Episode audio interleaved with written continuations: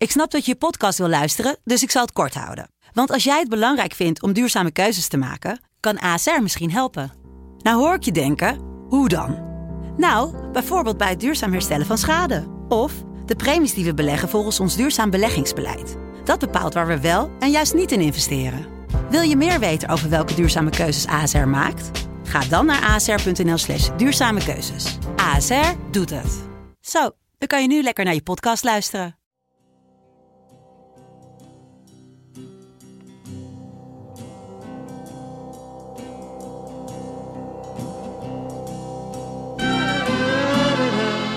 Denk dat we het even over uh, afgelopen weken moeten hebben. Vond ik echt heel, heel vervelend. Zeg het maar. Ja, wat moet je, wat moet je er nou over zeggen? Dat, dat kan je niet onderuit. Ja, uh, Ik weet niet wat het is. ik was bij de grote knip op Curaçao aan het snorkelen met een vriend van mijn zus. Nou, ik vind het, eh, ik vind het een beetje asociaal. Die beleven het eh, helemaal niet. Hè. Je, je, bent niet, je moet er doodziek van zijn. Hoe kan je nou gaan zitten lachen?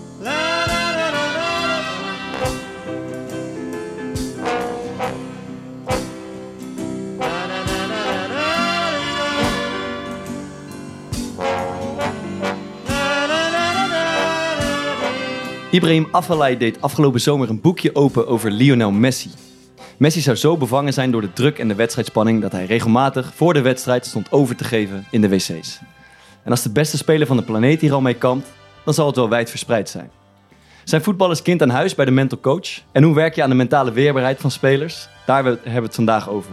Met Bart Heuving, topsportbegeleider bij AZ. Bart, welkom. Nou, bedankt. Leuk om hier uh, te zijn. Je uh, schreef een boek over groeimindset en je richt het bedrijf Sport Mindset op. Met welke mindset zit je vandaag uh, bij ons aan tafel? Ja, als, voornamelijk gewoon als, als fan van de podcast. Ik heb ze tot nu toe allemaal geluisterd. Het is heel leuk om er een keer onderdeel van te zijn. Het wordt wel gek luisteren als je het hebt gezeten. En ja, heel een, een, eer om, om gevraagd te worden over dit onderwerp. ik denk dat we het even over afgelopen weken moeten hebben. Want wij schitterden door afwezigheid natuurlijk met onze Wat is er podcast. gebeurd? Ja, er ging een hoop mis. Ging Er ging een hoop mis, mis. ja. Kan, jij het, eh, kan jij het feit leggen? Ja, we, we hebben vorige week opgenomen met een, eh, met- een veteraan. Eh, iemand die eh, onder andere in Afghanistan is geweest een aantal keer. En dat was een heel leuk gesprek. Alleen het eh, laatste half uur eh, bleek niet op de harde schijf te staan. en eh, ja, het leek ons niet verstandig om, eh, om dat uit te brengen. Omdat ja, het zwaartepunt van de aflevering lag in het, eh, zat hem in de staart. Ja. Dus we gaan het nog een keer doen, maar over een, eh, ja, wat zal het zijn, een week of vijf of zes. Dus ja, sorry jongens. Ja, het was kut. Het was, eh, was, eh, was een mooie aflevering. Maar wij, we zaten na afloop vol enthousiasme. Kwamen in de, in de boardroom en, en bleek, bleek het niet helemaal gelukt te zijn. Ja, ik, ik was ook nog even met, met hem nog wat aan het napraten. En Ja. ik kwam pas veel later eh, zeg maar naar achter. Ja. Toen zag ik jullie zo zitten. Zo, dus ik zeg zo heel opgewekt. eh, en en eh, wat vonden jullie ervan? En eh, hoorde ik Maarten alleen zeggen, de bom is gebarsten. Maar, maar kijk, het ding was dus, we zaten nog na te praten. En het eind was, ik vond het echt leuk. Ja. En eh, dat was allemaal best wel relaxed. Ehm, en die, ja, broers en zo, die zijn maar achter het scherm. Die kwamen ook niet binnen. Nee, die kwamen niet binnen, maar dat kwam dus. Want ze konden niet horen of we klaar waren. dus op een gegeven moment, uh, broers wenkt van, nee, voor, kom even. Dus, eh, en ik zie al van, die gast zit helemaal niet lekker, lekker erin. Terwijl ik dacht van, nou, volgens mij, het was een beetje moeizaam, maar het ging hartstikke goed. Dus toen hadden we daar een soort discussie van, ja, wie gaat nou naar binnen dat vertellen? Want die Rob, ja, dat is best wel een wilde bras, die zat er ook nog bij. Dus ik wilde ook absoluut niet naar binnen. Hij- nou, even voor, even voor de Rob was, is, een, eh, is een veteraan. Hij was heel groot, eh, heel breed, eh, grote armen, grote tatoeages. Dachten, hij, hij, hij kan zomaar uit de slof gaan schieten. maar nee, hij pakte het sportief op. En het was, het was, het was zo'n mooie aflevering dat we die over een aantal weken opnieuw gaan doen met hem. Wij eh, we pakken gewoon de draad weer op. Wij, wij hebben in de afgelopen... Wat wil je zeggen? Ja, ik wil zeggen, heb iemand nog wat meegemaakt? Maar- Ehm goeie vraag. Eh, nou, ik denk dat het wel vet is om te, om te benoemen dat eh, mijn, mijn teamgenoot de Wart heeft de transfer naar Groningen gemaakt. Ehm, en hij, hij is daar natuurlijk. eh wij hebben een aantal weken geleden in, eh, in een aflevering over onderschatte spelers. eh, hebben we hem even uitgelicht. Een aantal andere spelers. Maar we hebben over Laurens gesproken. En met name, ik, ik speel natuurlijk al 2,5 jaar met de jongen. En ik, ik heb gezien wat ik. ik, was echt, ik ben echt enthousiast over hem als speler. Ik vind het een bijzondere speler. En daar hebben we het in die podcast over gehad. En hij schoot me een aantal weken geleden aan dat hij in gesprek was met Groningen. En dat zij, ik denk, Flederis blijkt de podcast te luisteren, denk ik. Want die, eh, in het gesprek met Laros liet hij het fragment horen... wat eh, met name Thomas en ik hadden het over de kwaliteiten van Laros. Eh, en gebruikte eigenlijk dat fragment... Om Jij zegt Maarten deed er niet echt aan mee. Nee, Maarten had geen idee. ik heb hem ook nog nooit gespeeld. Eh, en ik, ik vond het wel bijzonder dat, dat eh, min of meer dat fragment hebben ehm, gebruikt in het gesprek met hem. Om hem ook te overtuigen van, ehm, van het komen naar Groningen. En, en dat is gebeurd. En ik, eh, ja, we hebben daarmee Sparta denk ik een slechte dienst bewezen. Want ik had Ja, op, je, ik je had hebt op jezelf natuurlijk... Ik heb dit weekend gekeken, maar je hebt jezelf natuurlijk goed genaaid nu die weg is. We hadden hem nodig. Ja, ja, ja, wel goed gebruikt. Ja. Dus eh, ik vond het toch wel bijzonder dat hij, eh, dat hij dat op die manier heeft gedaan. Ehm, maar over afgelopen weekend gesproken, jij was... eh, de wonderen zijn de wereld nog niet uit. Want jij hebt gevraagd Er, er is als, een hoop, hoop gebeurd. als analist van Rijnmond. Ik dacht eerst, Thomas Vaar heeft bij iemand anders zijn nummer... of iemand anders mij laten appen en net doen of hij van Rijnmond is. Of ik analist wilde zijn bij de wedstrijd van Sparta. Eh, maar dat, ja, ze waren bloedserieus. En eh, dat, dat heb ik dus eh, uiteindelijk gedaan. Misschien een stukje zelfoverschatting, maar ik, ja, ik zat heel erg te twijfelen. Want je weet natuurlijk, als je dat gaat doen, ik, ik kan dat niet. en dan weet je, nou, dan ga je waarschijnlijk op je bek. Maar ik vond het stiekem toch wel, het, het leek me heel leuk om te proberen. En moet zeggen, je doet dan voor de wedstrijd een wat langer stuk. En dan in de rust en na de wedstrijd. Eh, en over dat voor de wedstrijd maakte ik me niet zo heel druk. Dan kan je het even over de keeper hebben. En ik heb natuurlijk een jaartje bij Go Ahead gezeten. Dat, dat was leuk. Maar in de rust eh, probeer je dan, want je hebt maar drie minuten. En dan probeer je weg te blijven bij die inhoudelijke vragen. Maar dan komt op een gegeven moment de vraag. Sparta heeft nog niet gescoord. Hoe komt dat? Zeg het maar. Ja, eh, eh, eh, loop je een beetje vast. Toen heb ik gezegd, eh, ja, het, ontbrak ook een beetje aan geluk. Daar heb ik het maar op gegooid. En toen heb ik nog een soort van... Stootkracht kan je ook altijd ingooien. Ja, Het ontbreekt aan stootkracht. Er zijn natuurlijk best wel een hoop analisten die gewoon op basis van... Ik denk dat sommigen zelfs wedstrijden gewoon helemaal niet hebben gekeken en wel dingen hebben gezegd. Gewoon best wel een eind zijn gekomen. Dus dat moet je dan toch wel eh, een soort van... Ja, daar, daar kan je toch wel wat geruststelling uit halen. maar. Ja, maar ik hoop dan toch stiekem dat ik dan wat goeds kan zeggen. maar ik had mezelf wel van tevoren voorgenomen... je moet nou niet ook te geforceerd op zoek naar iets goeds. Want dat wordt natuurlijk helemaal niks. Ja. Maar op een gegeven moment is het minuut 40 en dan denk je, ja, ze gaan straks inbellen. en ik moet, ik moet wat gaan zeggen nu over die wedstrijd. En ik had echt geen idee. Ik had nog eh, de hoop, want het ging voor de wedstrijd even over de breedte ballen van Bart.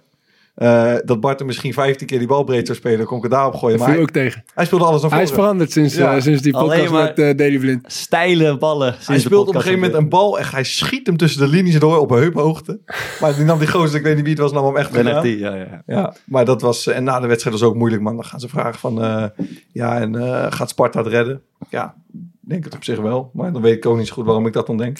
Maar ik vind eigenlijk, ja, en ik, en ik doe er net zo hard aan mee, maar gaat Sparta het redden na twee wedstrijden? Ja, kan je, ja daar kan Ja, je ook gewoon niks zinnigs over zeggen. nee, dat is ook volgens mij, weet je wat ik. eh, wat, wat, ik Wat- toen wat je hebt gezegd, ja. Ja, wat, ja wat, moet je, wat moet je er nou over zeggen? Na twee Nee, je kan, wedstrijden? nee, nee, nee, je kan er niks zinnigs over zeggen. Maar achteraf, eh, ze waren tevreden bij Rijnmond. Ik nog een keer wil komen. Dus Thomas is er nog wat kwijt. ah, Thomas heeft wel wat meegemaakt. Wat dan? Nou, of eigenlijk heb ik het Thomas zien meemaken. Dus ik, ehm, ik rijd door de, de, de stad uit. En ik eh rijd langs Excelsior Stadion. Natuurlijk een beetje nostalgisch en eh, mijn oude werkplek. En ik kijk en ik zie zo die hele selectie eh, met allemaal houten balken op hun schouders en zo. Dat, dat stadion uitkomen. Dus ik denk, die gaan naar de Van Gent. Munitiekistjes. Ja, kistjes en allemaal. Dus ik, ja, ik zie al de jongens die ken. Ik denk, ah, verdomme, dat ziet er grappig uit. Maar ja, daarachter zie ik de technische staf eh, hobbelen. En zie ik ook Thomas Vaar, doodongelukkig, lijksbleek. Dus een beetje zo erachteraan hobbelen. Dus ja, Ja, je moet ook beseffen dat ik de dag daarvoor 90 minuten had gespeeld. En eh, nou, dat gaat me toch niet echt in de koude kleren zitten. En eh, de hoofdtrainer Marines Dijkhuis had al tegen ons gezegd... ja, maandag gaan we iets doen, maar ik ga nog niet vertellen wat. Hou ik geheim voor iedereen. Dus ik zag erbij al wel een beetje hangen. Want ik ben, eh, denk ik, zeven jaar geleden of zo... keer met Sparta eh 24 uur naar die Van Gent kazerne geweest. En dat was niet leuk. Dus daar heb ik al een klein traumaatje aan opgelopen. Dus nou ja, hij wilde maar niks zeggen, hij wilde maar niks zeggen. Dus ik tijdens het ontbijt nog extra die, die verhalen, die traumatische ervaring oprakelen over, eh, over toen, weet je wel. Dus ik dacht, misschien gaat hij iets loslaten, maar nee. En toen uiteindelijk inderdaad kwamen de vier van die eh, klerenkasten eh, het stadion binnengestormd. Eh, en over drie minuten met z'n allen in spelerzoom. En ja, daar zaten we en we gingen inderdaad met z'n allen naar de, naar de Van kazerne om daar, om daar een teambuilding activiteit te doen. Maar het was dit keer wel wat leuker dan, dan, dan, dan toen de tijd. Het was wat korter en we zijn over die hindernisbaan gedaan waarin je groepsopdrachten moet doen. Hè. Dan moet je zo'n balk moet je, moet je over al die hindernissen zien te krijgen zonder dat hij de grond raakt, weet ik het wat.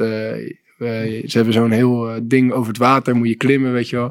Nou, er zijn genoeg mensen het water in, ingevallen, dus dat zorgt ook wel voor, eh, voor wat hilariteit. En eh, ja, we hebben ons prima vermaakt. Dus het, viel- het, het, viel- het viel mee uiteindelijk. Team naar, naar elkaar toe gegroeid. Wa- Was het anders als trainer? Of niet? Oh. Ja, eh, ja, want het was anders omdat ik in de halverwege de vrijheid had om te zeggen van nou, het is. eh, Het is mooi geweest. Ja, ik, voelde me in het begin, ik voelde me in het begin ook nog een soort van verplicht. Zeg maar ja, je moet nu wel eigenlijk gewoon laten zien dat je. Maar toen dacht ik halverwege van ja, ik loop erbij als een wandelend lijk. Dit slaat helemaal nergens meer op. Eh, dus toen, maar eh, ja, dus je voelt je wat minder verplicht en wat- minder verantwoordelijk om, eh, om de dingen op te pakken. Want dat is iets van de spelers. Dus dat maakt het wel iets anders. Maar verder niet echt. mooi. Ja. ja. Wij, eh, wij hebben, eh, ik denk twee weken geleden, opgeroepen om wat eh, voetbalverhalen in te sturen. Heb je wel eens een voetballer ontmoet in het dagelijks leven? En kleef daar een verhaal aan. Daar werd eh, gehoor aan gegeven in onze mail, corepodcast.gmail.com. Ik moet zeggen, het hield niet, het hield niet over. Ik heb maar het, er, Dus zat, het niveau moet omhoog. er, er, er zat, er zat er wat bij. We gaan er even... ik, ik heb om, eh, in ieder geval één om een beetje mijn eigen traditie te blijven, heb ik het slechtste verhaal eh, uitgekozen. Van eh Douwe Age Dotinga. Het is nog slechter dan zijn naam. Ehm, Vind ik onaardig. ik, ah nee, grapje Douwe. Ik was bij de grote knip op Curaçao aan het snorkelen met een vriend van mijn zus. En op een gegeven moment bots ik tegen iemand aan en kijken we alle drie op. Er is een moment van oogcontact en net nadat we alle drie doorzwemmen zeg ik tegen mijn zwager... Die gast leek echt moeilijk veel op Doken Smit. En op dat moment dat ik dat zeg, draait die gast zich om en hij kijkt me raar aan. Diezelfde avond gaan we naar Zanzibar, een soort strandclub daar. En wie komen we daar tegen? Doken Smit. Ja, eigenlijk is het best wel een kut verhaal, maar wel grappig dat iemand Doken Smit herkent, want hij is een degelijke rechtsback met een degelijke kop. Heb, jij, heb jij een cijfer voor dit verhaal? eh, Vijf nou, sterren, ja, vier sterren, ja, zeg maar. kijk, ik, ik vind dit zeker op een schaal van vijf sterren wel vier sterren. Ja? Hij ik zat echt hij te zoeken naar die clue. Met die laatste zin. Ja, met die laatste zin. wel. Maar vriend, zeg je dat Fok het wel eens moet voorlezen bij die boekenclub van? Dat kan ik niet, hè? het is niet helemaal inspirerend, nee.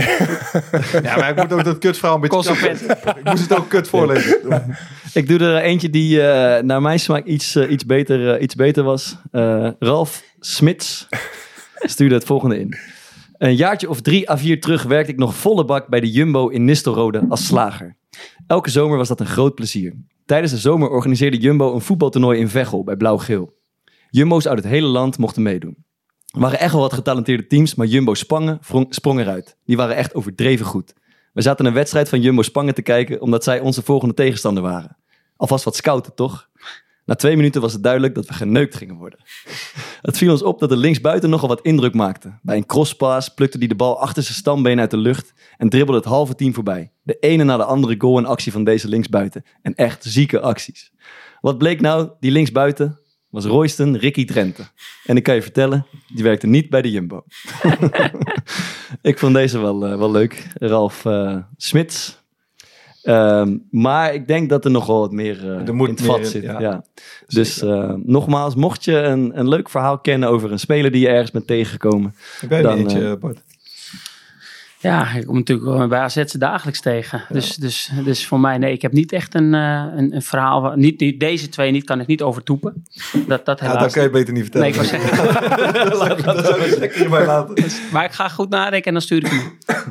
Nog eentje die we ook kregen. In de rubriek Ooit een voetballer tegengekomen heb ik in mijn eerste jaar in Rotterdam Thomas Verhaar ooit met wat biertjes achter de kiezen over een paaltje zien struikelen op de Witte de Witstraat.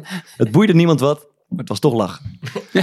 Ja, het is Ja, maar deze heb jij vorige week ook al verteld. En toen... Maar dat weten die luisteraars Nee, niet. nee, dat snap ik. Maar ik heb de, de- even om aan te geven dat ik er een weekje over na heb kunnen denken. En toen dacht ik bij mezelf, hoe kan je nou over een paaltje struikelen? Ja. Ja, dat, is een, dat moet jij dus ons vertellen. Nee, maar ja, dit klopt, dit verhaal klopt niet. Ik kan me niet herinneren. Ik kon het me al niet herinneren, Ja, dus maar ik dat heb is erover niet- nagedacht. Dat, Nagedacht. Nee, nagedacht. erover nagedacht. Maar, nee, maar hoe kan je nou over een pa- Je kan niet over een paaltje Daar moet ik even over nadenken. Ja, je hebt toch ook die paaltjes die dan ge- op de grond geklapt zijn. Daar kan je over struikelen. Dat zou het zijn. Goed. ehm, Kun je nou, dat wel? Nou, nou ja, volgens mij staat er geen één op de wit, de wit van zulke paaltjes. Maar Nou ja, we, we kunnen vragen of er beeldmateriaal is. Eh, maar goed. eh, Ed- ik, ga, ik ga morgen nog eens even over de wit, de wit heen fietsen en kijken of er überhaupt wel paaltjes staan op de wit. De wit. Ik, ik ga hem exposen, deze, deze teringleier. Goed, uh, corepodcast.gmail.com mocht je eh, ja, iets, eh, iets beters te melden hebben. Wij, eh, wij wachten met smart. Met.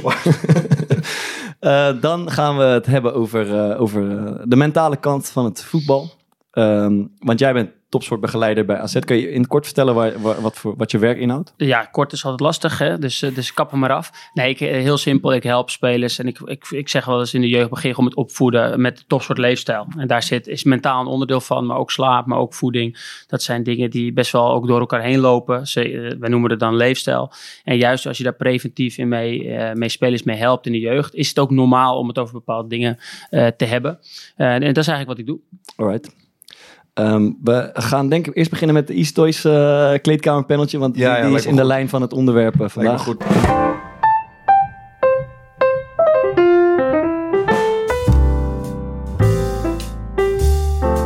Easy Toys. Kleedkamervibraties. Ja, we hebben natuurlijk een... Ik denk dat het in seizoen 2 was, hebben we het gehad over zelfvertrouwen en faalangst. Ehm, en wat mij toen heel erg opviel, ik weet niet hoe dat voor jullie twee toen was, eh, dat er echt veel gewoon voetballers op reageerden van hey, het is een, eigenlijk een soort feest der herkenning. Ik herken heel veel dingen die jullie zeggen. Het zijn veel situaties waarvan ik eigenlijk niet wist dat andere jongens dat ook zo ervaren. Ja. Eh, ja, dus dat zegt een aantal dingen. Ten eerste dat er blijkbaar meer jongens zijn met die problemen. Dat, dat wij daar, of ik in dat geval, volgens mij had ik het meest over verteld, niet uniek was. Eh, maar ook dat jongens het dus van elkaar niet, niet weten. Dus het leek me wel leuk om te onderzoeken ehm, hoeveel jongens er nou gemiddeld een beetje eh, wel eens contact hebben met een eh, sportpsycholoog. Of daar onder, eh, onder behandeling staan. En dat hebben we in de woonkamer ook gedaan. Ehm, in de kleedkamer. Hoeveel, welk percentage maakt gebruik van een sportpsycholoog? Denk je? Nu op dit moment? Ja. 20 procent? Ik denk wel eh 35. Ik denk nog hoger eigenlijk. Ik denk dat bijna iedereen wel eens een keer... eh, ik denk dat je zomaar richting 70% kan. Ja, nu, wat er nu gebruik maakt, is 20 procent. Hm. Ehm, en Scherp. jongens die er wel eens eh, mee in aanraking zijn geweest, is 50 procent. Waarvan ongeveer 10 procent zegt dat ze er helemaal niks aan hebben gehad. En 40 procent is er wel blij mee. Eh, en ik dacht, ja, om een beetje binding met onze luisteraars. Ik was ook wel benieuwd hoeveel mensen er eigenlijk bij een psycholoog lopen. Of wel eens hebben gelopen. Dat, is, dat zijn het niet de voetballers, maar nee, de gewoon de luisteraars. mensen thuis voor het Mhm. woonkamerpanel. Het enige idee. 15. Ja, dat denk ik ook minder dan ik 10. Ja. Ook zoiets. 40 procent. Nee. 40? 40 procent, ja. Wauw. Kan ook iets over de luisteraars echt Ja. een labiel gezelschap. Ja, ik wou zeggen. En eh, ik, ik moet zeggen, ehm, eh, wat me dus heel erg opviel, en dat, eh, dat is, ik vind het sowieso heel leuk dat bij het woonkamerpanel mensen reageren daar heel uitgebreid op. Ja. Eh, en die Mhm. steken er echt tijd in. Maar wat me nu dus heel erg eh, opviel, is dat ook bij het amateurvoetbal. Dus ik, ik zie voorbeelden van mensen die in een vriendenteam spelen eh, in de zaal, die in de vierde klasse spelen. eh zesde klasse gaat over, die gewoon dezelfde dingen Ja, dat ervaren als Ja. wij. Ja. En dat eentje ook zegt, eh, ik had nog een vraag erbij gedaan over keepers. Ehm, en die dan zei, ik heb sowieso het idee dat de druk op keepers altijd groter is. Mhm. Maar het kut is, we hebben vaak maar elf spelers en ik ben de enige die kan keeper. Dus moet ik iedere week op doel altijd een kutweekend. Ja, ja, ja, ja. Ja, en, maar dat, ik heb dat wel eens gezien, ook eh eh, tijd dat mijn broer nog bij de, bij de amateurs, dat was denk ik tweede of eerste klasse, eh, speelde. Dat je dan wel eens hoorde over ehm, eh, dat mijn moeder daar dan in de kantine was geweest. En dat ze dan voor de wedstrijd van het eerste liep er iemand, een speler, de, de kantine in. Ja. En dat ze zei, hey, succes straks. Hè? En dat hij zei, "Niet- over de wedstrijd beginnen. Terwijl ik dacht, van, tweede klasse, hoe kan je... Dat, daar zaten gewoon jongens bij die niet over de wedstrijd konden praten. Ja. En ik dacht eigenlijk wel dat dat best wel iets was... wat vooral bij de profs heel erg speelde. Ja. Eh, maar blijkbaar is dat dus voor iedereen eh, Met- met hetzelfde. dit wat je nu zegt, je, ik geloof er heilig in dat het hetzelfde is. Maar ook andersom. We denken vaak als je prof bent dat je bepaalde problemen waar iedereen mee zit. Nou, neem een ziekte van een ouder. Vandaag kwam, kwam dat onder andere, Haps bracht dat naar buiten vandaag op, Ja. op Instagram. Ja, dat was wel heel dus, dus bericht, waar je inderdaad, ja precies, ja, echt, echt, echt. Ja, ik kreeg meteen een brok in mijn keel. Moeten toen we ik misschien even uitleggen, want Ja. kan jij het Ja. vertellen wat het verhaal is? Hij bracht vandaag naar buiten dat, die, dat zijn vader eigenlijk al een jaar lang ziek is. Nu net beter is. En maar dat hij daardoor gewoon zoveel last had. Omdat hij niet met mensen over had gepraat, zei hij in die post. Dat hij ja, gewoon eigenlijk daar gewoon mentaal uiteindelijk last van kreeg. Ja. En zelfs het ziekenhuis is, is eh, beland. En het is best wel in, het, in de tussentijd ook geweest. eh, Dat, dat mensen ook dachten, ja, wat, wat is er met hem gebeurd? En nu bracht hij dat naar buiten. Ja, en, dan, en dan gaat het dus om zijn vader. Terwijl de wilste verhalen hè, zijn er tussentijds natuurlijk naar buiten Ja, ik weet dat gekomen. dat allemaal toen eh gerucht waren dat hij vast zat. En, Snap je? Ja. Ja, dat die opgenomen was in Nee, en, en, uiteindelijk zegt hij nu dus gewoon de, de, de ziekte van zijn vader. Nou ja, ik heb Ja. natuurlijk, hij komt uit de AZ Jeugd in, het- in het eerste gespeeld. Ehm, dus ik heb wel eens onder andere met de kleine Owen Wijndal, mocht hij als speler van de maand, mocht Owen met hem zitten. En, en, en wat ik zo mooi vind eigenlijk aan wat je nu zegt, is dus ja, de problemen die profs hebben, komen ook bij de amateurs voor. Hè? Dus de wedstrijdspanning, of niet over hebben. Of hè, ik, ik heb zelf ook wel eens een vrije trap gemist of een penalty. Ehm, ja, dan kan ik er ook heel lang mee zitten. Terwijl heel veel mensen denken, ja, dat zou je toch alleen als je voor het eh, eh, prof, eh, als je dan een penalty mist. Maar andersom dus ook echt.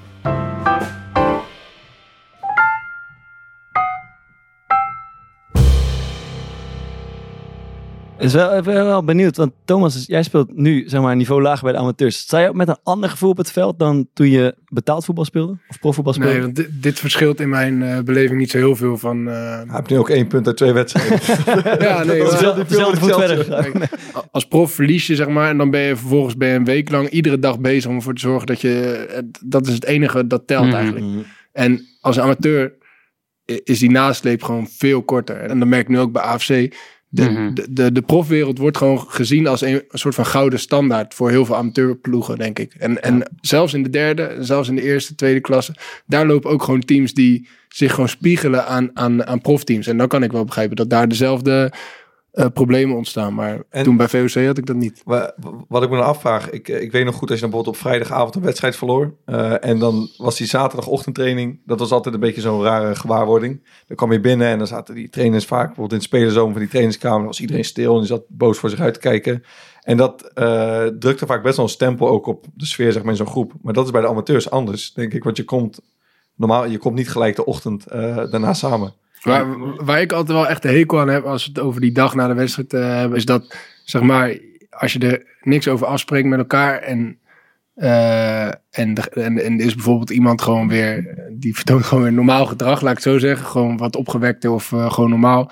eh, ten opzichte van de anderen, dat je dat altijd zeg maar achteraf dan nog te horen krijgt. Zo van ja, ja jullie, jullie, Ja. jullie beleven het eh, helemaal niet. Hè? Je, je, bent in, je moet er doodziek van zijn. Hoe kan je nou gaan zitten lachen in de bus? En eh, hoe, Kaarten. ja, Mhm. en dat mag dan allemaal, na een verloren wedstrijd, mag dat dan allemaal ineens niet meer, terwijl je daar van tevoren geen afspraak over hebt gemaakt. Nee, ik snap dus daarom, eh, ik vind dat al, ja, nee, hadden Nee, maar dan, maar dan zou je dus een afspraak moeten gaan maken. Terwijl eigenlijk de analyse is van degene die dat zeggen eigenlijk al nergens op slaat. Dus, want, want uiteindelijk zegt het dat het helemaal niet. Het misschien juist zegt het wel wat. Dat je meteen. Ik, ik heb hier in de jeugd gebruik ik wel eens het voorbeeld van Kobe Bryant. Die doet vier airballs. Die mist die tegen de Utah Jazz. En die gaat die avond als een gek trainen. Ja. Ja, dus uiteindelijk heeft trainen heeft effect. Niet, het is toch ook, als, zouden we moeten gaan klappen als hij de hele nacht boos in zijn bed ligt. En de volgende dag Ja, boos is appt. Snap je? Dus, dus, dus, Ja. dus waarom zou je een afspraak over maken als je eigenlijk vooraf al denkt, ja, het heeft helemaal geen effect. Maar ik snap wel. maar dit standpunt wordt verrassend vaak ingenomen. Nee, ja, wordt heel vaak ingegooid. En kijk, dat durf ik. Daarom zei ik ook net, we doen dat bij AZ niet. Je moet altijd kijken, heeft iets nut om beter van te gaan ontwikkelen en gaan presteren. Ja, maar ik vind altijd wel een beetje, zeg maar, dat aan de hand van het resultaat, dat trainers altijd dingen eh, aangrijpen, zeg maar, die eigenlijk misschien helemaal niet echt relevant zijn, maar eh, dus, dus dan heb ik altijd zoiets van, ja, maak daar dan, zeg dan vooraf wat je, wat je wel en wat je Ja, niet zo. verwacht van een team. Want maar dan, dan, maar kom dan, dan, niet achteraf Precies. als het resultaat Nee, tuurlijk, maar dan niet zo inzoomen op een detail. Hoe gedraag je je naar, maar veel meer het principe. En dat wel, kijk, dat leren we ook echt wel in de jeugd aan. Focus waar je invloed op hebt. En focus waar je invloed op hebt. Je hebt geen invloed meer op de wedstrijd. Ja. En naast focus waar je invloed op hebt, doe iets wat nut heeft. Ja, boos voor je uit gaan zitten staren. Ik zal het nu niet meer uitbeelden. Maar dat heeft geen invloed. Ja, je wordt in één ding beter als je boos voor je uit gaat zitten staren. En dat is in boos voor je uit gaan zitten staren. Het lijkt wel Dus een beetje ja. op die powerpost van Vriends eigenlijk. Hoe Maar dan andersom. Ja. Nou, dat was die aflevering. Nee, Weet je dus dat die powerpost, want je had het net over emotionele besmetting, maar die powerpost van Vriends, die maakt dus ook andere spelers beter. Toch? Nou, ik, het- voordat wij de opname Ja, ja. begonnen, stond ik net in het wc die powerpost. Je? Emo- emotionele besmetting. Ik, moet je, ja, maar ik dacht, ik zeg het niet. Ja, Bart, wel, ja, de vraag is eigenlijk welke mentale problemen zijn het meest voorkomend eh, onder voetballers? Want je hebt veel contact met, eh, met spelers bij AZ, jeugdspelers, eh, spelers van het eerste elftal. Welke mentale problemen worden daar het meest aangestipt? Ja, ja de, de, hoe zeg je dat?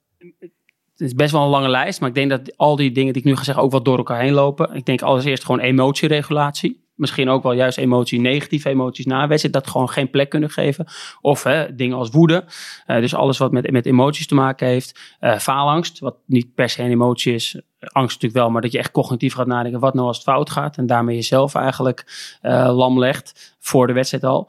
Ehm, ja, ik denk dat die twee, dat dat wel het meest voorkomt. Ehm, maar ook weer ja, Wel- welke daarvan heeft het meeste invloed eh, op de ontwikkeling van de speler? Ik denk als jij ehm faalangst hebt en echt denkt, ja, ik kan bepaalde dingen niet gaan doen, want dan, hè, want ik wil geen fouten maken. Ik wil bijvoorbeeld het label talent wat ik altijd heb gekregen, dat wil ik behouden. Dat je daarmee echt je eigen ontwikkeling e- enorm in de weg kan zitten. Terwijl emotieregulatie kan je vaak ook nog wel, hè, als je bijvoorbeeld snel boos bent, kan je dat vaak ook nog wel inzetten in juist goede dingen. Dat je als het ware wat meer druk zet. Ik, ik, ik zag dat je een keer een interview met jou waarin jij dan zei dat je bijvoorbeeld met AZ meegaat met eerst op trainingskamp en dat je dan ehm, eigenlijk preventief eh, heel veel dingen eh, doet. Ja. Ehm, en hoe, wat is bijvoorbeeld het eerste stadium waarin jij bij iemand faalangst zou kunnen herkennen? Eh, nou, ja, de- de- hoe zeg je dat? Als je het preventief doet, hoop ik eigenlijk faalangst te voorkomen. Dus- ja, maar, dus- maar hoe zie je dat? eh, ehm, dat doe je dan alleen bij jongens voor wie je denkt dat ze er vatbaar voor zou kunnen zijn. Of bij wie het zou kunnen gaan spelen, toch? Ja, als je, hoe je hem nu stelt wel. Mhm. Maar uiteindelijk begint, begint dat al in de jeugd. Gewoon de rol van fouten te gaan uitleggen. En dan hoop je eigenlijk te voorkomen dat een speler beseft van... Hé, hey, wacht even. Ook eh, of het nou Kobe Bryant is of Messi heeft ook heel veel fouten gemaakt. Dat is onderdeel van die ijsberg van ontwikkeling... om Ja. uiteindelijk naar de top te gaan. En dat is zeg maar het eerste stapje. En het tweede stapje is, ja, dan kijk je naar gedrag. En als je gedrag ziet, ga je het niet labelen. Je hebt faalangst. Maar wel, hey, ik zie bepaalde dingen.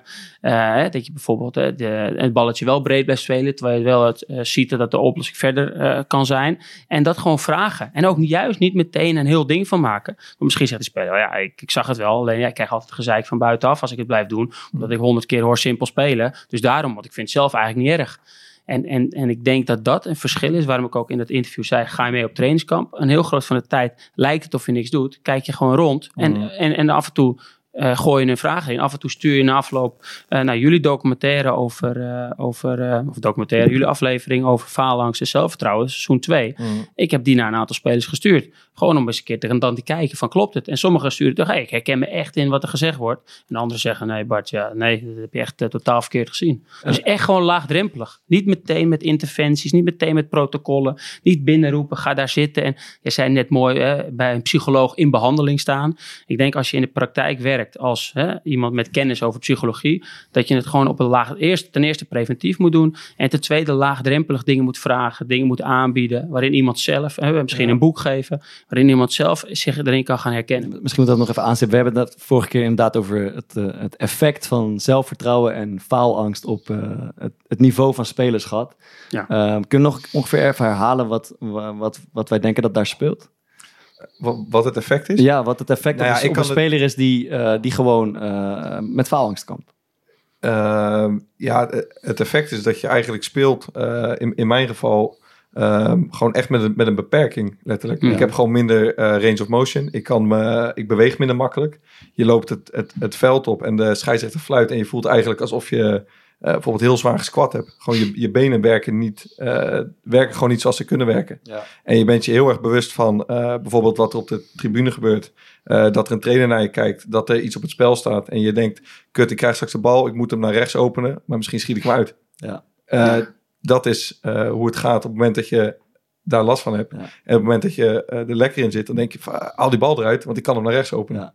En dat is, het- dat is volgens mij heel Ja, dat is volgens mij het grootste toch, dat je denkt in bedreiging in Ja. plaats van, eh, Ja. van kansen. En het gevolg is volgens mij dat je, je blikveld heel beperkt wordt. Dus of je bent eigenlijk alleen maar met jezelf bezig, of met het volgende moment. En ehm, Je als wordt heel als passief ook. Je wordt heel passief. Ja. En als je, dat, als je dat niet hebt, dan heb je een ruim blikveld. Dan ben je goed aan het kijken. Maar als je vooral op jezelf gericht bent, dan, dan vernauwt het heel erg je beeld, denk ik. Ja. En eh, eh, trainers roepen wel eens zo gekscherend ja, eh, tegen spelers. eh, Het lijkt alsof je onder stroom staat of zo. Maar dat is vaak wel aan de hand bij Mm. spelers die er niet lekker in zitten of twijfels hebben of Nee. faalangst hebben. Die, die, het lijkt inderdaad alsof ze onder stroom staan. En, eh, ik heb dat zelf ook eh, wel eens ervaren hoor. Dat je gewoon hoe makkelijk ballen opeens van je voet wegspringen Ja. en, en je het niet meer makkelijk beweegt, maar heel erg een beetje gespannen houding Ja, ik, ik, ik, ik zou je vertellen, ehm, ik, ik sprak met een, een, een, een trainer uit onze competitie van Ja. vorig jaar.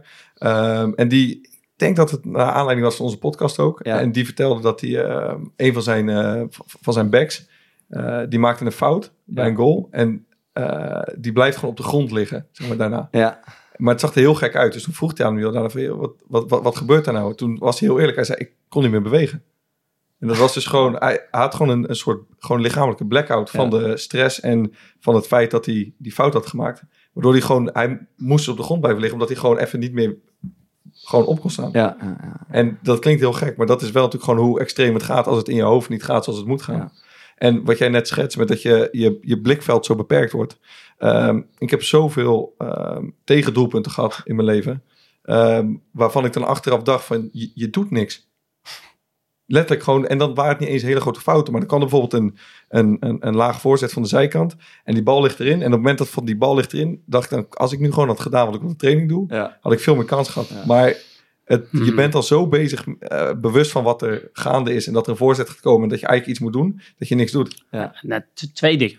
Allereerst, wat jullie zeggen, in de wetenschap heet het eh, de broaden and build theory. En als je positieve emoties hebt en je dus lekker voelt, dan gaat je aandacht breed. En hoe meer gestrest je raakt, is gewoon evolutionair, hoe meer narrow, hoe narrow Ja. focus je krijgt. Narrow focus zorgt ook nog eens voor meer blessures. Dus vaak als je gestrest bent, krijg je ook meer blessures, omdat je gewoon bepaalde tackles niet ziet aankomen. Of je zo gespannen bent, wat jij zegt, dat je voelt alsof je al gesquat bent. Waardoor als er een, als er een tackle komt, je ook nog eens eerder een blessure krijgt.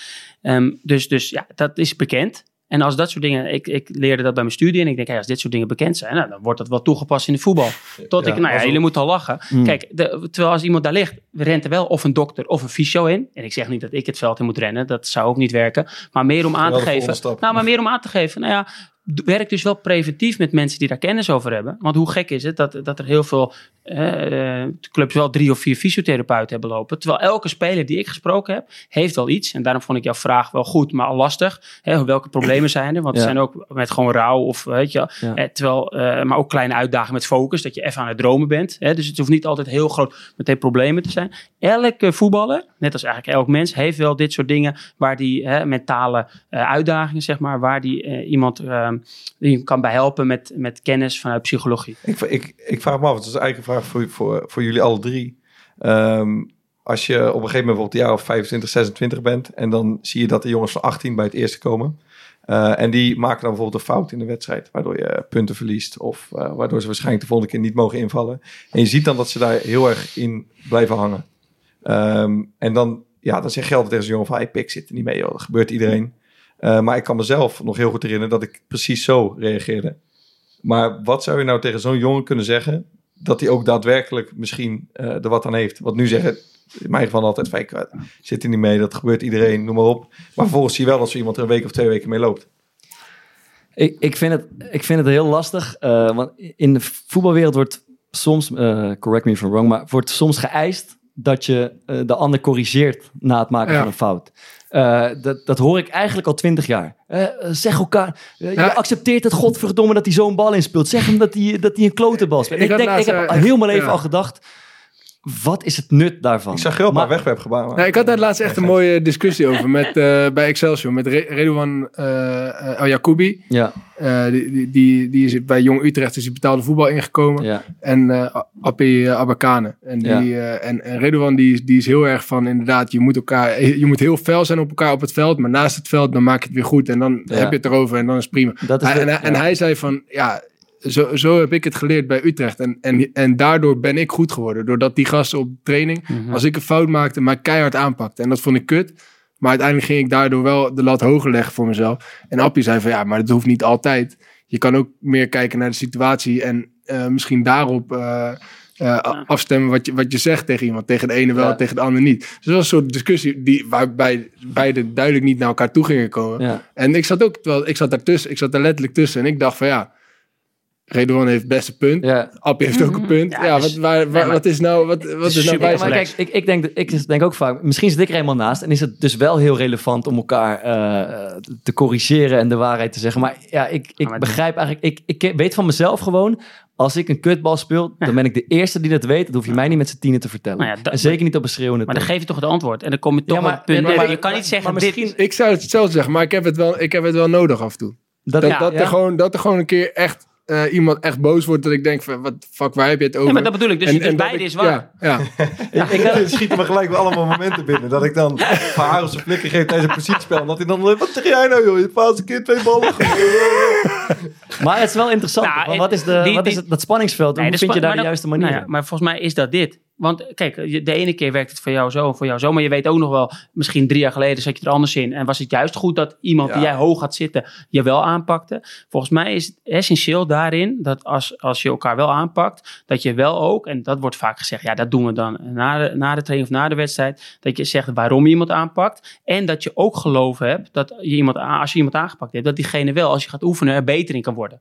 Kijk, ik heb ook met, met, met eh, op mijn bescheiden niveau eh, gespeeld. Maar als iemand je uitschold, maar na de wedstrijd ook zei: ja, maar jij hoort gewoon niet ons team, jij kan niet voetballen. Ja, dan, dan eh, word je van het aanpakken niet beter. Ja. Als iemand mij aanpakte in het veld en, en direct, omdat ik ook gewoon dacht: oh ja, ik moet inderdaad nog scherper, ik moet nog. En na afloop zei hij tegen me: Bart, hey, ik heb echt vertrouwen in als je dit en dit gaat doen, geloof ik dat jij daarin kan ontwikkelen. Nou, dat is hoe ik mindset omschrijf. Hè. Welke overtuiging heb je over jezelf, maar over een ander. Ja, dan ga je opeens ook zien: hey, van die pik ik het wel en van die pik ik het niet. En dan wordt het opeens, het is dus super complex. Terwijl uiteindelijk is het, ehm, ja, moet je het er zo met elkaar over hebben. En niet zoeken. En dat bedoel ik ook met regels waar je net over kwam. Ja, wij vertellen elkaar altijd de waarheid. Dat ik denk, ja, weet je, het is ook maar net hoe je erin staat. Ja. Maar ook nog eens cultuur, eh, cultuurafhankelijk. Als ik tegen een jongen die uit een collectivistische cultuur komt, in de groep even de waarheid ga zeggen. Ja, dat is, tast zijn eer sneller aan. En ja, dat wordt een heel lastig dingetje. Maar doe je het één op één, even na afloop in de auto, gaat hij misschien wel bedanken. Dus, dus, dus ga je regels zeggen. Wat bedoel je met collectivistisch? Ah, ja. mijn, mijn vriendin luistert ook. eh. Mooi, mooi. Ja, mijn vriendin luistert dus Die nooit naar mijn dus podcast. meer, mijn vriendin zeggen. luistert dus nooit Die naar gaat, die, gaat, die, gaat nu over een maand ineens zo als een klootzak huis. En dan is ze bij deze aflevering. Mooi, mooi. Nee, eh, ja, gewoon cultuurverschillen. Je kan meten in een individualis- individualistische cultuur. Is het gewoon veel normaler om elkaar hè, vanuit individu dingen te roepen.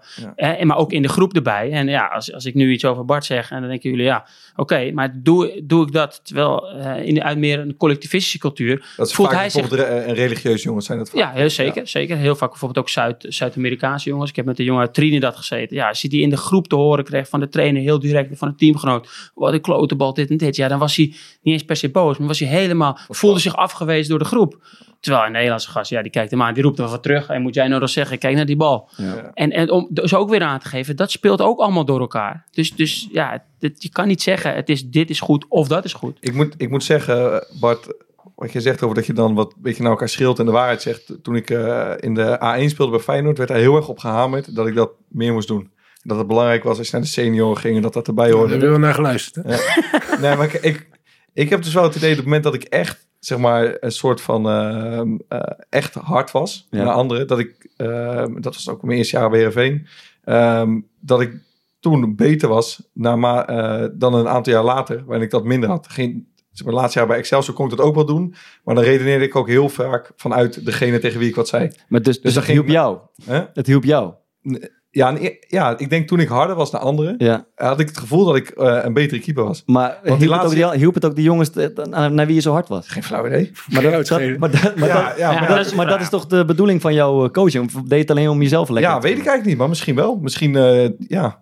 Hmm. Dat, dat, ja, dat je dat misschien een bepaald gevoel van macht geeft. Of misschien was dat toen ook wel gewoon om iets uit te staan naar de trainer. Ja. En die laatste jaren ging ik dan veel meer eh, redeneren vanuit bijvoorbeeld een, Mhm. een, een jonge jongen. Ik dacht van ja, die, dan zei de trainer of de keeper, ja, geef ze er wel langs. Maar dan dacht je, zo'n gozer van 18, die, eh, Ja. die moet straks naar de school. Ja. Ik ja, die ga ik niet helemaal de Ik, ik had even Ja. zo'n deze. Maar vorige week, we hebben die, opna we hebben die opname gedaan. en na afloop bleek dat, eh, dat er in de techniek iets mis is gegaan. En die jongens, eh, Broes en, en Kariel van de techniek, Kariel. die zaten, je zag gewoon, die, ja, die zaten zeg maar in zak en as. Dat zag je, die waren verslagen. En ik dacht, eigenlijk wat ik denk, de voetbalwereld eist nu dat wij heel erg uit ons stekker gaan tegen die gasten. Hoe kan je dat nou godverdomme doen en alles. En ik, en ik eigenlijk dacht ik enige dacht ik, ja van, die boys die zitten er net Ja. zo door. Die vinden het net zo Ja, kut. Voor mij was het eerste nu- ook wat en ik zei, nu- maar kan gebeuren. Ja, maar nu, nu kom je op een interessante. ja. Want die ik dus vaak een denkpatroon. Als dit nu gewoon de kleedkamer was. Ja. Of de, de- na afloop de discussie. Ja. Hè, dus ik ben dan even in mijn rol. dan zou ik zeggen. Oké, does it help? Ja. Als jij dit doet en het heeft nut, niet voor die aflevering, die is weg, maar daardoor zijn ze wel scherper voor deze aflevering. dat is de dan vind ik het heel goed dat, Dat je is het doet. vraag, nee, ja. dus does it help? En als het antwoord is nee, want het was niet een, een, een fout door laksheid, het was gewoon echt een fout omdat het ding verkeerd zat, ja, dan heeft het dus geen nut. Ja. Dus, en daar het over hebben met elkaar, met dat zinnetje, Ja. does it Ah, ja, help? en ik had ook Ja, het dan- idee dat zij er meer mee zaten dan... Nee, dat is, Nee, daarom. Maar ik, ik, denk, er is, je hebt Ik heb even in- gecheckt, maar hij staat nog aan. Dat is wel- Ja, je had het net over eh, sportpsycholoog. En ik ik denk dat het wel boeiend is om onze eigen ervaringen te delen met eh ben ik wel sportpsychologen of mental coach. Ik weet niet, eens, j- jij hebt er wel eens wat over verteld.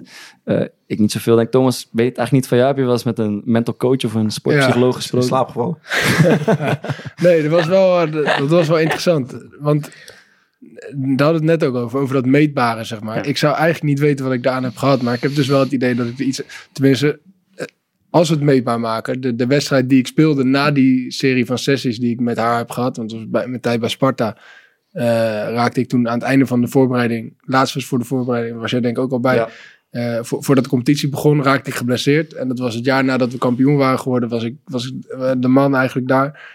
En dat, ja, dat was moeilijk. Moest ik eh, op de bank gaan zitten. Degene die voor mij erin kwam, die deed het goed. Dus had ik best wel last mee. Dus Alex Pastoor zei, nou, het lijkt me goed als je een keer met iemand gaat praten daarover. Dus die, eh, degene die hem altijd bijstond in, eh, in de vorming van het team, die, die, ja, die was beschikbaar daarvoor. Die kwam ook, en deed ook met- dat met andere jongens.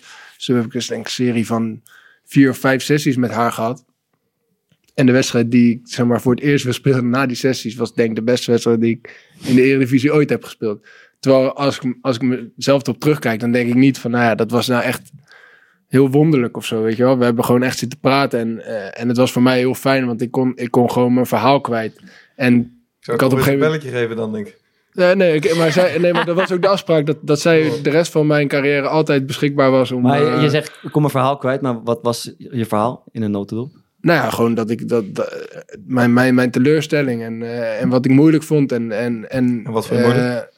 Vooral eh, hoe, hoe het met de communicatie tussen mij en de trainer. Ik had meer van verwacht dan dat ik dan dat ik terugkreeg. Ik had verwacht dat ik alweer zou spelen. ik, had, eh, ik, ik kreeg hele hoop informatie ook via haar over hoe de hoe Alex eh, naar mij keek. Dat was ook dat was ook heel handig.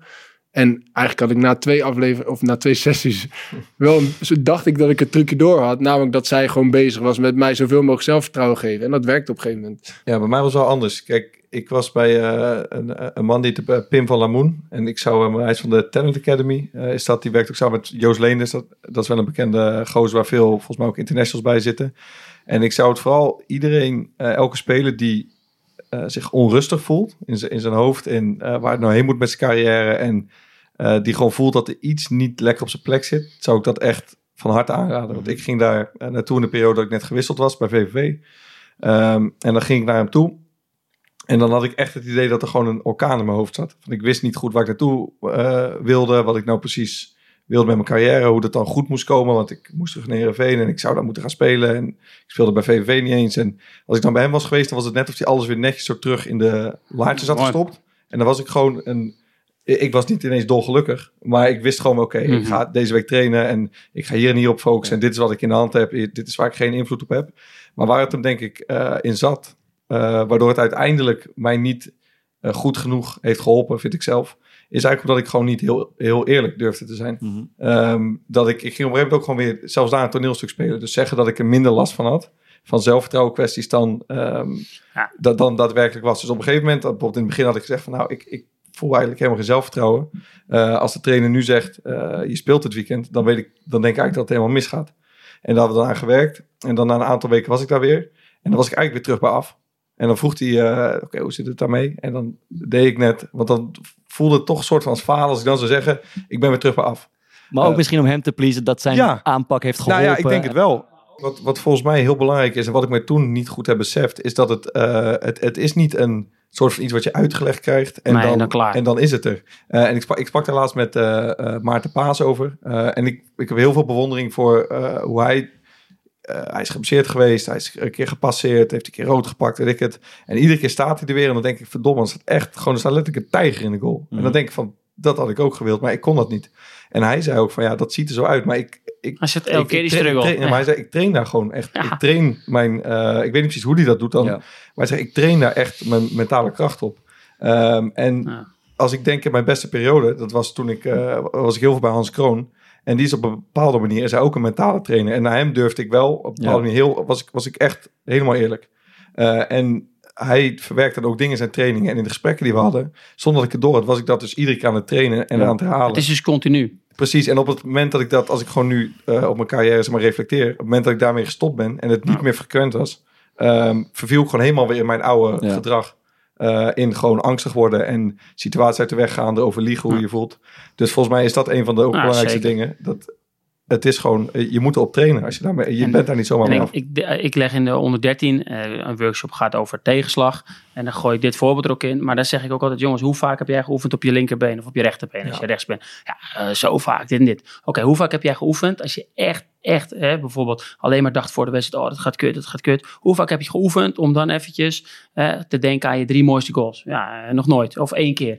En dan zie je al heel snel dat ze ook beseffen, oh ja, het zijn ook vaardigheden. Alleen het zijn geen vaardigheden die eh, normaal zijn om te trainen. Het zijn, maar, en dat betekent niet dat je net zoveel mentaal moet trainen als op het veld. Maar inderdaad, wat mij betreft moet je af van het idee, je gaat er pas heen als je een probleem hebt. En dan zijn het een paar sessies en dan is het, is het weer klaar. Maar moet je het veel meer integreren. Wat niet wil zeggen dat er niet specialisten moeten zijn, ook buiten de club, die echt bijvoorbeeld alles weten over faalangst of alles weten over emotieregulatie. Maar gewoon eigenlijk breed georiënteerde, nou, in mijn geval topsportbegeleider. Want soms ligt het ook helemaal niet aan psychologie, maar ligt gewoon aan slaap of aan voeding. En ligt daar de oplossing, dat iemand bijvoorbeeld heel snel geïrriteerd is, omdat hij gewoon heel veel suiker Vaar. eet. Ja, of weinig slaapt. Dat, eh, nee, maar om aan te geven, ja, dit, die, die, al die vakgebieden lopen elkaar. Maar wij trekken ze uit elkaar in de voetbal. En trouwens wel bij meer sporten. En jij gaat pas naar de sport, naar de diëtist Ja. als je het hoog vetpercentage hebt. Je gaat naar de sportpsycholoog als. Ik denk dat, dat, dat je het gewoon veel meer continu krijgt. Nou, een beetje wat jij zegt, hoe Hans Kroon het voor jou... eh, Mm. Terwijl we allemaal een, een heel groot percentage van onze prestaties Ja. toeschrijven aan het mentale gedeelte. Of we er goed in Ja. zitten of zelfverzekerd zijn en alles. Ja, het is wel... Ja, en, dan- en, en- en nog één ding dan, als je het over de opleiding hebt. Het zit ook in de opleiding bij KVB, bij anders zit het ook voor trainers. Want inderdaad, er wordt nog wel eens gezegd, die of die moeten doen. Maar het zit heel weinig ook eigenlijk in die opleidingen. Ja. Dus, dus dan, de spelers vinden het belangrijk, maar komen er weinig mee in aanraking. Trainers vinden het ook belangrijk, maar komen er ook weinig mee in aanmerking. En dan vinden we het ook nog eens gek als het dan fout gaat. Maar dan komen de journalisten, ja, het is toch zijn baan. Hoe kan hij nou zo slecht met zijn emotie omgaan? Of hij heeft, eh, eh, hij heeft er last van. Ah, hij moet niet zo zeuren. Dus, dus die dingen die ik net schets en dan de buitenwereld die het groter maakt. Ja, dan denk ik alleen maar, ja, je moet gewoon logisch nadenken. En daarin eh, ja, mensen gewoon helpen. Ja. Juist preventief. En je gaat er ook nog eens beter van presteren. Maar, eh, heb, je ook, heb jij ook iets specifieks geleerd, bijvoorbeeld, wa- wa- wa- wat je hebt meegenomen in je, in je Ehm, verdere carrière? Ja, ja wat, het, wat ik het meest van Hans heb geleerd, en dat eh, loopt helemaal parallel aan waar we het nu de hele tijd over gehad hebben, ehm, is het eerste wat hij op een gegeven moment tegen mij zei. Hij zei, maar denk je dat jij de enige bent die spanning heeft voor een Ja, wedstrijd? mooi. En ik zat Mooi. en ik had dat echt. Ik dacht, Ja. dan, dan liepen we dat, dat veld op eh, bij, bij Feyenoord aan het halletje. En dan had ik een hartslag van 180 en die benen werden steeds stijver. Zo, je hebt net de warming-up gedaan. Het zou lekker zijn als het andersom is. En dan keek ik naar die tegenstander en denk ik, tyfus man. Die hebben helemaal nergens last van. Ja. En dacht ik in mijn team ook. Die hebben heel... En dan had er een keer iemand eh, aan wie je het wel kon zien. En dan dacht je, ja, maar ja, dat is ook wel een beetje een sukkeltje. Zo, ja, zo dacht ik dan. Ik dacht, fuck man, ik ben de enige. En toen zei hij op een gegeven moment, luister, iedereen... Ja. ik heb ze hier allemaal gehad. Eh, de Vrij, Francisco Els, noem maar op. Iedereen heeft op zijn eigen manier last Ja. van angsten en wedstrijdspanning. Dit, dit wat je nu zegt, is dat alleen als iemand zegt, hey, het is normaal. Voel je toch al deze, Ja. ik ben niet één. Nou, dat helpt al. En, en ja, het, het is eigenlijk zo simpel. Maar we hebben het te begin over met Messi. Dat eh, als stel dat iemand dan zegt, Messi geeft over. Dit is echt, eh, dit kan echt niet hoor. Dit is, kan je dus ook dus vanuit je omgeving heel veel kapot maken. Ja. De andere kant op, het juist groter maken. En ik heb één ding nog, wat, en dit, ja, ik praat heel veel, dit kunnen we eruit knippen als het, als het te veel wordt, maar ehm, wat, wat ik gewoon heel fascinerend vind en eigenlijk gek, is dat ik eh, al toen ik heel jong was, eh, was ik bijvoorbeeld 12, en dan maakte ik een blunder tegen Ajax. En dan dacht ik echt letterlijk, tyfus, dit is, het- dit is, dit is het, dit is het einde. Eh, ik, ik hing daar zo ontzettend veel gewicht aan, aan die fout, zeg maar, op dat moment. Ehm, en, maar dat had ik ook toen ik in de B zat, toen ik in de A zat, toen ik bij Jong Heerenveen speelde, als ik een wedstrijd met het Nederlands team speelde. Ik had altijd zo erg het gevoel dat hetgeen wat ik op dat Mhm. moment deed, en dat had ik zelfs met trainingen, dat dat bepalend was voor de rest van mijn carrière. Ja. En ehm, ik heb het op een gegeven moment wel geweten dat dat niet zo is, want ja, je gaat veel Mhm. langer mee voor als je, als je nog wilt en je kan heel lang spelen, dus dan is zo'n moment helemaal, hoeft helemaal niet bepalend te zijn. Maar dat is mij dus nooit gelukt om, Ja. om dat besef echt in mijn lichaam te krijgen. Ik, ik, heb, eh, ik, heb ook een hele reeks van eh, sportpsychologen gesproken. Ehm, en wat één iets heel simpels, wat ik daarvan heb geleerd, eigenlijk heel kinderachtig, maar het heeft me eigenlijk best wel geholpen. Eh, Powerpose. overigens wil ik even... Hij zat al, hij zat al. Hij zat te loeren, hè? Hij zat te loeren. Lekker. Die vrouw waar jij het net over had, die heeft mij die powerpose aangegeven. Dus ik- Ze heeft het bij jou even laten liggen, denk ik. Maar, Ja. ik heb, maar goed, wat ik wilde zeggen is, eh, ik heb met een andere man gesproken en ik heb, er, ik heb het altijd interessant gevonden, ook omdat ik, ik wilde meer grip krijgen op mijn, op mijn niveau. Gewoon omdat ik merkte van, als ik er niet lekker in zit en als ik er wel lekker in zit, dat, heeft, dat, dat, is, Mhm. Dat verschil is zo groot, dat vind ik super irritant. Ik wil daarmee aan de slag.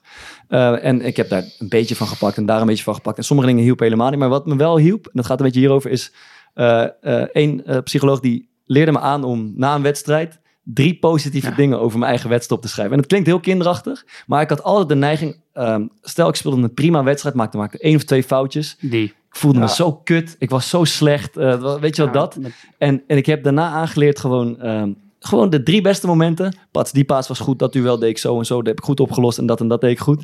En dat heb ik echt consequent. Ik heb een heel boekje met, ik denk wel durf- 40 wedstrijden waarin er wat in Hoogtepunt. Ik durf staat. het bijna niet te vragen, maar wat heb je in hemelsnaam afgelopen weekend neergezet? Ja, mooi. Kijk, en, en, nu moet je er vier opschrijven. want Om dit te compenseren. Kijk, Ja, weet wel eens, een paar hele mooie passes. Nee, maar nog even één. En het, het sluit op alle twee aan. Maar Ja. kijk, deze vind ik nou juist iets wat je echt mooi... Ik heb een sheet en dan heb ik een blunder. En zie iemand zo staan. En dan heb je sheet en dan zeg ik, wat denk je nu? En dan zie je spelen. En de ene jongen zegt dan letterlijk, dus even in een groepsworkshop. En de ene jongen zegt dan, ja, ik heb een fout gemaakt. En de andere jongen zegt, ik ben een mislukking, zo haal ik nooit het eerste en dit. Ja. En dat eruit krijgen en dan, hé, hey, wacht even. Oké, dus jij denkt na een blunder, ik ben een mislukking, ik hoor het niet. En jij denkt, nou, ik heb een fout gemaakt. Hoezo denk je dat? Ja, dan gaan ze opeens hè, preventief. En sommige jongens denken in die zaal, wat gaat dit over? Die vallen al verslaap. Maar een paar anderen, die, die worden geactiveerd. En je zet ze ook zo neer met een eh, soort bijna lineaal ertussen. Oké, Mhm. wat helpt dit je, wat helpt dit je? Vervolgens, hè, dus dan ga je eigenlijk het al normaliseren met de groep. Dus eigenlijk een hele simpele oefening. En stel je had daar gezeten, je had niks gezegd. Want je denkt, ik zeg nog niks, ik sta hier nog even laag in de hiërarchie. Maar je hoort iemand anders die het wel zegt. Denk je misschien in de bus, nou, ik ga eens naar hem zitten. Ik ga het eens een keer bespreken. Of andersom, ik ga naar hem zitten, want hij is er heel goed in. Daar kan ik ook wat aan hebben. Dus we gaan, je gaat daarin verder. Dus dat is het stukje normaliseren Mhm. als je niet naar Hans Kroon gaat. Maar dan komt hij, dan iemand aanleren. Dat vind ik, als je, en je hebt het nog niet gevraagd, maar ik gooi hem er vanzelf in. Ehm, uiteindelijk is het heel simpel. Dan iemand ook aanleren, je kan opschuiven. Dus je persoonlijkheid staat niet vast. Je kan ook, hè, terwijl je eerst denkt, ik ben een mislukking na een fout. Je kan, en dat kost heel veel tijd en energie, maar langzaam opschuiven naar steeds meer, hey, ik heb een fout gemaakt. Dus dat je niet meer die prestatie aan je identiteit koppelt en aan je hele leven. Wat heel veel stress oplevert, waardoor het alleen nog maar erger wordt. Maar langzaam opschuiven naar, hey, ik heb een fout gemaakt. En die zegt niks over mijn identiteit. Ja, en dat opschuiven, ja, dat gaat je niet alleen in je voetbal helpen, maar in je rest van je leven. Mhm. En dat kan je doen door drie dingen. Nou ja, maar dat, dat- het klinkt heel kinderachtig, Het maar het, helpt, het, gevolg Het kan is dat je- zeker helpen. Het gevolg is dat je gewoon aardiger over jezelf Ja. gaat zijn. Dat je gewoon, dat je gewoon meer... Zo heb jij een beetje doorgeslagen. Dat is heel. Maar eh, dat je, Ja, elke avond, hè, elke avond drie. ik doe het nog steeds. Ik doe het nog steeds. En na de podcast zou ik ook. Nee, maar serieus, het, het, het helpt hè. Ik het heb dit een helpt. tijdje Het is ook zo kinderachtig, maar het helpt. Want Ik moest Dat is ook echt, ja. Je hebt het ook gedaan. Ja, ik moest het doen bij trainingen. Ja. En, want ik, ja, dat is gewoon, eh, en dat zegt ook iets over hoe raar je brein gewoon is. Ik kon dan gewoon van een, op een willekeurig moment bij VVV ineens denken eh, aan een training van tien dagen daarvoor, Ja. dat ik een bal had losgelaten. Ja. En eh, dat slaat helemaal net. Maar Ja. ik kon me, en ik ging me er dan gewoon naar van voelen. Ja. Ja. En op een gegeven moment moest ik die dingen gaan opschrijven. En als ik dan zo'n moment had, dan ging ik terug naar die training. En dan had ik ook, oh ja, ik had die bal uit de. En, en dan Ja. heb je.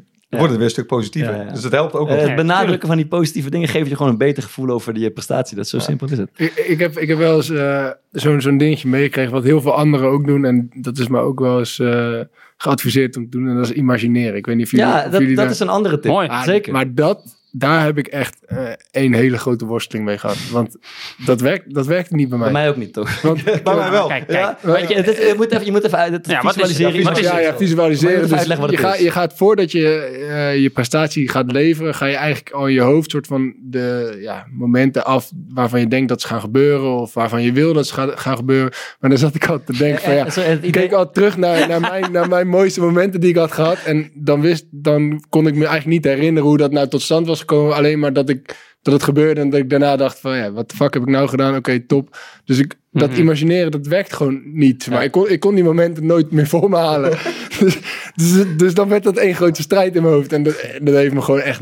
Nou, ik weet zeker dat dat me niks heeft opgeleverd. Ik, eh, ik, vond het, ik heb het ook, eh, en het gaat dan over inderdaad je inbeelden moment dat je het lastig vindt, wat Ja. je moeilijk vindt. En dat het idee is volgens mij, dat als je dat keer op keer herhaalt in je hoofd, dat je hersenen een soort blauwdruk maakt van die situatie. Zodat je als je op het moment zelf komt, dat je in- onmiddellijk snel kan handelen. Ja. Maar eh, ik heb het ook geprobeerd, jongen. Visualiseren tot ik een Ja. onzoog. Maar dat kwam er niet uit. Bij mij hielp dat Maar wel. wel. Misschien omdat ik zo laag aan de grond zat mij alles helpt. Alles, alles, alle pogingen. Maar ik, ik, kan, ik kan me nog ook gewoon een hele specifieke wedstrijd herinneren. Dat we, wij gingen de Supercup eh, spelen tegen Ja. PSV. En dat was net de, de zomer dat ik met Hans was, eh, was begonnen. Ja. En ik wilde heel graag, had ik het met hem over gehad, een, een, een keeper zijn. Dat mensen daarnaar keken van zo, dat is echt een leider. En er staat echt een, echt een vent in de Ja. Maar als ik dan volgens mezelf terug zat, dan, eh, ja, dan was ik zo bekrompen en angstig. En dan kwam dat helemaal niet. Dan kwam er eerder een beetje zo iemand, nou, een beetje wel- zo'n zo'n bangerik kwam Ja, eruit. ja, ja. Ehm, en we hadden het over situaties dat gewoon al bijvoorbeeld als dan de bal aan de, eh, helemaal niet bij mij in de buurt was, dat je gewoon echt dan met, met die borst vooruit, vertrouwen, eh, ontspannen, geen gekke grimassen op je gezicht.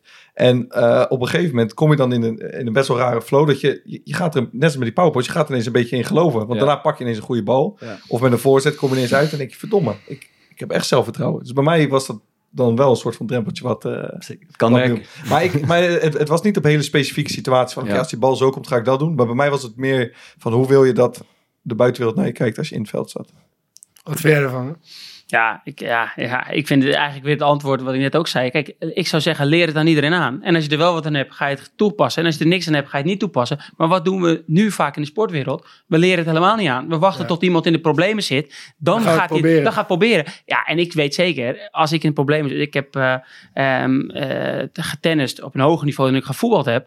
En ja, als het toen niet liep en iemand zou mij toen hebben gezegd: Bartje, we gaan nu visualiseren. Had ik echt gedacht: wat is dit? Waarom? Dan voelt het voor mij een soort symptoombestrijding. Want in de kern lag bij mij toen, toen ik met eh tennissen, het probleem niet in dat ik niet visualiseerde. De kern lag dat ik op een gegeven moment heel vaak die overtuiging had: ja, ik moet laten zien dat ik een talent ben. Toen ik 12 was, speelde ik tegen jongens van 16 en dan ga je steeds hoger. En op een gegeven moment dacht ik: ik had die druk, ik moet het laten zien nu. Ik moet bewijzen dat ik goed ben. Daar lag de kern van mijn probleem. En dat is veel meer met overtuiging en met mindset te maken. Als toen iemand mij visualiseren had uitgelegd, had ik echt gedacht, wat is dit?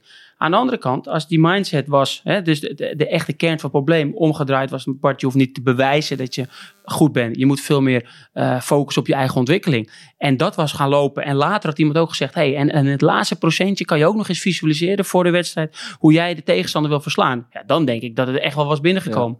Maar nu gaan vaak, eh, we gaan vaak die trucjes, of het nou visualiseren is, of zelfspraak, wat ik net zei, of ademhalingstechnieken, gaan wij vaak inzetten om het symptoom van druk te bestrijden. Terwijl we niet naar de oorzaak gaan kijken. Ja, en dan, de, daar geloof ik er net als jullie helemaal niet in. Want dan is het een soort van, eh, ja, wat ben ik nou eigenlijk aan het doen? Maar het is ook best wel logisch, want je, je wordt als topsporter in het algemeen toch zo erg eh, gepusht zeg maar, naar het verleggen van je grenzen. En ook dus het opzoeken van waar nou echt die uiterlijke grens ligt. Dat je nou ja, vroeg of laat altijd tegen een bepaalde teleurstelling eh, gaat aanlopen. En ja, dat kan niet anders dan dat dat eh, bepaalde mentale problemen met zich mee gaat brengen, toch? Dus, dus ja, ik, ik kan me eigenlijk niet voorstellen dat dat voor iedere sporter eh, makkelijk kan zijn. Dat dat voor een, ja, een enkele sporter maar Ja, en dat kan makkelijk ze natuurlijk op allerlei, ja, we hebben het hele over gehad, manieren eh, manifesteren. Ja, Het kan spanning, angst, of dat je eigen verwachtingen niet kan voldoen. Ja. Ik denk dat eh, schaamte, misschien ook voor veel jongens als ze aftakelen. We zijn er door. Zullen we even eh, afsluiten met eh, wat, eh, wat aanraders? Ik ben heel, heel benieuwd. Ik, ben eh, ja, ik, ga, ik heb expres lang eh, geheim gehouden natuurlijk. Nee, ik heb er twee. Eh, en de eerste is, is, ja, de eerste is eh, ik, ik ging bij de scouting naar binnen vanochtend. En ik zeg, jongens, ik moet een aanrader doen. En die zeiden, je moet zeggen dat je, voetbal, je moet voetbalmanager spelen. Want dan kan je bij de AZ-scouting komen werken. Dus dat is de aanrader. Wil je scout worden, ga zeker voor voetbalmanager spelen. Maar die is een beetje namens hun. Nee, mijn aanrader is... als je bij Groningen in de scouting wil gaan werken, dan moet je dus veel eh Podcast. podcast luisteren. Ik kan het zeggen. Mooi, mooi. Dat is al een, een extra. Nee, mijn eigen aanrader is een be- beetje binnen het thema Kobe Bryant met de Mamba Mentality. Die in, zijn- in dat boek eh, is geschreven eh, door hemzelf met veel foto's ook erin. En hij schrijft zijn hele mentaliteit. En als je ziet hoe hij met zijn, ja, eh, ja hoe hij met fouten omgaat. Hoe hij zichzelf op weet te peppen met verschillende soorten muziek. Afhankelijk van de situatie. Ja, ik vind het echt een geweldig boek. Juist omdat het, een heleboel van die dingen zijn ook wetenschappelijk bewezen. Maar hij kan dat zo mooi vertellen. En die foto's die erbij gezocht zijn, die dat illustreren. Ik denk voor elke topsporter, maar eigenlijk voor elk mens, een, eh, ja, echt een aanrader. Mooi. Ja, ik, eh, ik heb vandaag een eh, abonnementje van Disney Plus eh, aangeschaft. Want eh, die, die, die, ja, die docu-serie over Feyenoord die is uitgekomen. Dus die ben ik gelijk gaan kijken. Maar er was maar één aflevering, dus ik heb er echt van zitten genieten. Maar ik vind het nog te weinig om echt aan te raden. Dus toen ging ik verder kijken op Disney Plus. En toen kwam ik eh, bij een docu-serie over Paul eh, McCartney. eh, McCartney 321 heet het geloof ik, waarin hij met een music producer... Is er nou wel of niet? Paul, eh, ja, dus dat is. Ik heb mezelf zo genaaid door eh, ooit een keer die complottheorie over Paul McCartney te lezen. Of die het nou wel of niet is. Dat ik. Deze documentaire is zo fucking gruwelijk. Want hij gaat samen met zo'n muziekproducer. Gaat hij, gaat hij dus heel die muziek van de Beatles ontleden. En vertellen waar het is ontstaan en hoe het is ontstaan. En allemaal geweldige anekdotes. Maar ik kan het dus niet uit mijn hoofd krijgen dat ik iedere keer denk van... hé, hey, maar jij hebt dat helemaal niet gedaan. Dat was iemand anders. en daar baal ik echt van. Maar als, als je dus niet gelooft in die complottheorie Dan van de wel. Beatles... zelfs als je wel gelooft, want ik zit echt van het genieten... dan zou ik echt die documentaire gaan kijken. Want hij is echt gruwelijk. Mooi. Eh, ja, mijn is, ik heb een muzikaal tipje eh, deze week. Eh, Kanye West heeft eindelijk zijn eh, nieuwe album uitgebracht. Donda heet het. Lekker eerste nummer? Eerste nummer, lekker. Donda, Donda, Donda. Ik dacht na 10 seconden, we gaan dit nou... Nu weet ik het wel, dacht ik Donda anderhalf Chant. Ja, domme zeg. Ehm, en ja, daar gaat dus een heel krankzinnig verhaal aan vooraf. Van hoe die... eh, hij heeft zichzelf op een gegeven moment in een soort stadion opgesloten. In een, eh, in, in een klein kleedkamertje. Om dat, dan het album af te maken. En ja, hij heeft aardig wat ook met mentale problemen geworsteld eh, de, de laatste jaren. Maar ik hou heel erg van zijn muziek. En er zit echt een, er zit een hele hoop teringsoort tussen. Maar een paar absolute pareltjes. En als je er eentje dan moet luisteren, vind ik eh, oké, oké. Vind ik eh, top. Alright. Eh, ik ben deze week naar de, bioscoop geweest, naar The Father. waarin Anthony Hopkins een, eigenlijk zichzelf speelt. Hij heet Anthony, hij heeft dezelfde leeftijd, maar dan dement. of hij raakt in dementie. En is een enorme plaag voor, voor zichzelf, maar ook voor zijn omgeving. En het eigenlijk een hele mooie en ontroerende film. En ook op zo'n manier gefilmd dat je zelf ook niet helemaal meer begrijpt wie nou wie is. En dat is eigenlijk precies ongeveer wat er in zijn hoofd speelt. Hij kan mensen maar moeilijk onderscheiden van elkaar. En ehm, ja, ik vond dat een hartstikke mooi film. Thomas heeft het volgens mij ook gezien. Ja, Eh, dus eh, mocht je nog eh, een avondje over hebben, dan moet je die even meepakken. ja het is echt, echt gruwelijke acteerwerk. Maar inderdaad, wat je, wat je zegt... je wordt zelf echt meegezogen in, in, In- die, in die verwarring. Dus je, weet soms ook niet waar, echt maar waar je naar kijkt. Nee, en dat nee, nee. is op het moment zelf is het kut... maar uiteindelijk denk je wel van... Ja. ja, dat hoort er wel bij. Vet. Ehm, Bart, eh, tof dat je er was. Ja, Eh, leuk, eh, En, leuk om er te zijn. We sluiten wel af met een liedje, dus eh, ook daar moet jij nog even mee, eh, mee komen. Ja, nou, die heb ik nog niet verteld, dus dat is echt een verrassing. Nee, dat is eh, Mumford Sons met The Cave. Zeker. Eh, kan ik goed mee leven. Mooi, mooi. Ehm, eh, wel, bedankt voor het luisteren en eh tot volgende week. Hoi, hoi. It's empty in the valley of your heart. The sun it rises slowly as you walk away from all the fears and all the faults you've left behind. The harvest left no food for you to eat. You cannibal, you meat eater, you see. But I've seen the same, I know the shame in your defeat. I will hold on hope and I won't let you choke on the noose around your neck. And I'll find strength in pain and I will change my ways. I'll know my name as it's cold.